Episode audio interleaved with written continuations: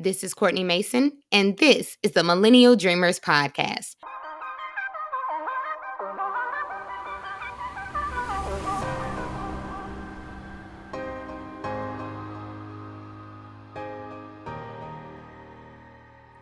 Welcome, welcome, welcome. We are kicking off season four of the Millennial Dreamers podcast, and this is the very first episode. I'm so very grateful and thankful to be back in your earbuds, as I always say. Um, I hope that you and your families are doing sensational, quite honestly. Um, and I'm doing fantastic. I'm currently recording this podcast while there's severe storm warnings in our area. So hopefully the power doesn't go out and we can do just keep going, rather. Uh, we're squarely in the month of March, which is Women's History Month. So, shout out to all the incredible ladies who are doing incredible things. I can't wait to feature even more boss babes and bows for that matter this season, but especially the boss babes because I really get inspired by seeing other women win. So, more of that in 2021. We're going to get to more interviews of amazing people. So stay tuned for that. But uh, with all the pleasantries aside, let's just hop right into today's topic, which is why can't we leave well enough alone? Or stated differently, why can't we just be happy, right? Myself included. One thing about me, I will turn the saying, I like to turn the saying on its head. If it ain't broke, don't fix it for me, if whatever it is doesn't need or isn't broken, I will tamper and tinker with it. Sis will find a flaw or a need for improvement in anything. For example, last year, I finally got myself on a consistent fitness routine that worked for me. So I would get up in the morning and do yoga. And then the afternoon, I would either ride my bike or I would go to the park and I would just run uh, for a few miles. And then I would also do workouts at home. But in my mind, I wasn't doing enough to get myself on this, I don't know, fitness trajectory that I wanted. I want to achieve my idea of the ideal body.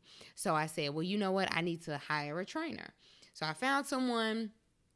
She was great, um, but she did push us um, to the limit. And I made the mistake of not listening to my body and not speaking up when I felt things in my body that I didn't think were right.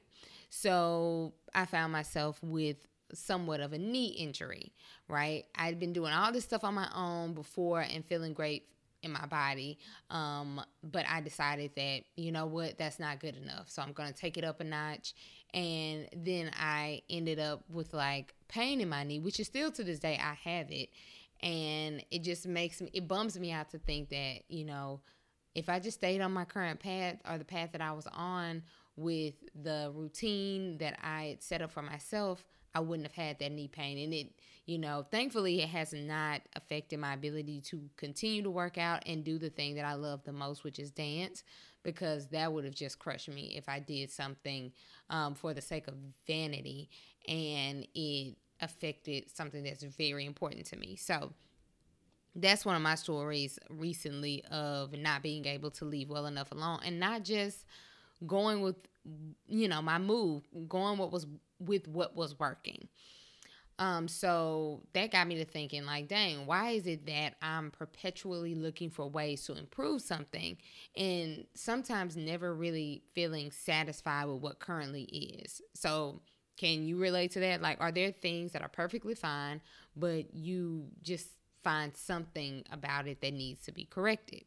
I do think self development and improvement are great and they're necessary, but it can become problematic if it turns into like this endless cycle of wanting. So, I did some research on this, and there is science behind why this happens. The human brain is wired to adapt to our surroundings, our circumstances, and just like the stuff that we have, things that we've accumulated no matter how something makes you feel, whether good or bad, we eventually will return to our original state of happiness. This concept is called hedonic adaptation. And it's also referred to as the hedonic treadmill because we're we always end up where we started. So over time, the thing that once brought us joy becomes normal and the excitement around it wears off. One psychologist, Daniel Kahneman, I hope I'm pronouncing that right. He re- he referred to it also as the um, satisfaction treadmill because we will often shift our standard standards upward once we've reached them, and we've got to keep running in order to feel satisfied again. So you've like I, in my situation, I was happy to be working out. I was doing a lot of things to stay, you know, feel good, um, be active and all of that. But I just shifted it upward. I was like, I got to take it up a notch. So it's this satisfaction treadmill that we are often on. And you may have seen it in your life or seen it happen to other people. For instance, maybe you purchased a car that you always wanted. You know, you you were thrilled about it, you saved for it and you got it, but eventually it lost its luster. And now it just feels like any other car. Or you got a promotion that you've been working hard for and then you begin to have anxiety related to the the responsibilities the increased responsibilities that you now have even though you really wanted that promotion. Um it's just things like this you know the workout thing the fitness thing. You set a goal for yourself. You want to be a certain size or lose a certain amount of pounds and then you reach that and you feel grateful but then you're like actually now that i've gotten here it's really this next amount of pounds that I need to lose before I really feel good about it. So, psychologists have observed this phenomenon and studied this phenomenon in a number of different scenarios, similar to the ones that I just addressed, but more specifically with um, lottery winners, for example. They found that a lot of them, after the initial euphoria of winning this large sum of money, um, wears off, maybe like after a year or so, then they tend to return to their original level of happiness. You know, these are people who have won oftentimes millions of dollars and completely changed their life.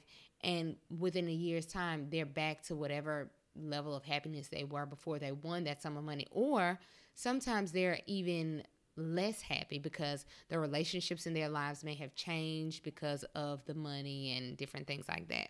So that's one thing that psychologists have studied. But also, on the flip side, the same was true of individuals who had a negative experience, like those involved in major accidents and who lost the use of their legs.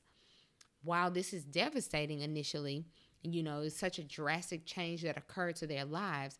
Paraplegics generally, the psychologists found, would return to their pre accident levels of happiness after the habituation period. So it's interesting, like, even on a negative side, we generally, you know, after certain things happen within our life, we return back to a neutral sort of period or, or status. So, how do we break this cycle? And that's really what I want to kind of talk about because if any of those things that I've mentioned previously you can relate to, then you're probably thinking, like, yeah, I know and I get that, but how do I get out of that cycle? Because I see it within myself and I don't want to keep doing that. So, how do we break this cycle of endless wanting? Um, some psychologists, I'll talk about three of them different psychologists have found different things, but there are three that I found to be pretty useful and practical that we can apply to our lives and, you know, stop this cycle. So they've offered various anti adaptation tools to help us maintain our, our gains and happiness over time. And the first one is variety. Variety is often known as the spice of life, right? Um, in any event when it's new and an unexpected, you don't really anticipate those positive feelings that you may have associated with it. So, if you are constantly switching things up, like, say, for instance, you're in a relationship and you don't want your relationship to get stale or, or boring or you all come, become complacent, finding different things to do with your partner, with your spouse, will help you to keep that variety. So, trying something new, like, you know, we're going to go to an art class, or we'll do a cooking class, or we will um, go to wine tastings, or we'll travel, or do whatever it is. You can have variety within your life that helps you to maintain levels of happiness and it doesn't become a plateau. Because if you have a positive experience but it's repetitive, like you're like, I really enjoy going out to eat to this one restaurant. You may enjoy going there, but the levels of happiness, it just becomes like, mm, this is a great restaurant to go to, but you don't feel that excitement that you might crave and that satisfaction that you might crave. Um, as opposed to finding a new restaurant that was amazing. You can tell everybody about it, and then you you're trying different things or different spots. So variety is one anti-adaptation tool that psychologists have used and said will help with maintaining levels of happiness. The second tool is appreciation. It's going out of our way to focus on the positive in something rather than taking it for granted or letting it fade into the background. So, we essentially want to savor our positive experiences. And this is a great way for us to enjoy life more without needing anything else to change. So, it's like just a bit of focused attention um, on the effects of pleasures and gratification and meaningful activities. So, keeping a gratitude journal and i know that sounds hokey to a lot of people they're like i'm not keeping a journal i don't want to write but even if you don't write down the positive things if you just think about them like step outside of wanting and pining for something in the future and look at what is positive now so smell the roses so to speak so to speak like be in your present body looking at your surrounding appreciating what you have so that gratitude, that appreciation is something that can help you with your happiness. So it's not fleeting and you're not constantly looking for the next thing that's going to make you feel satisfied.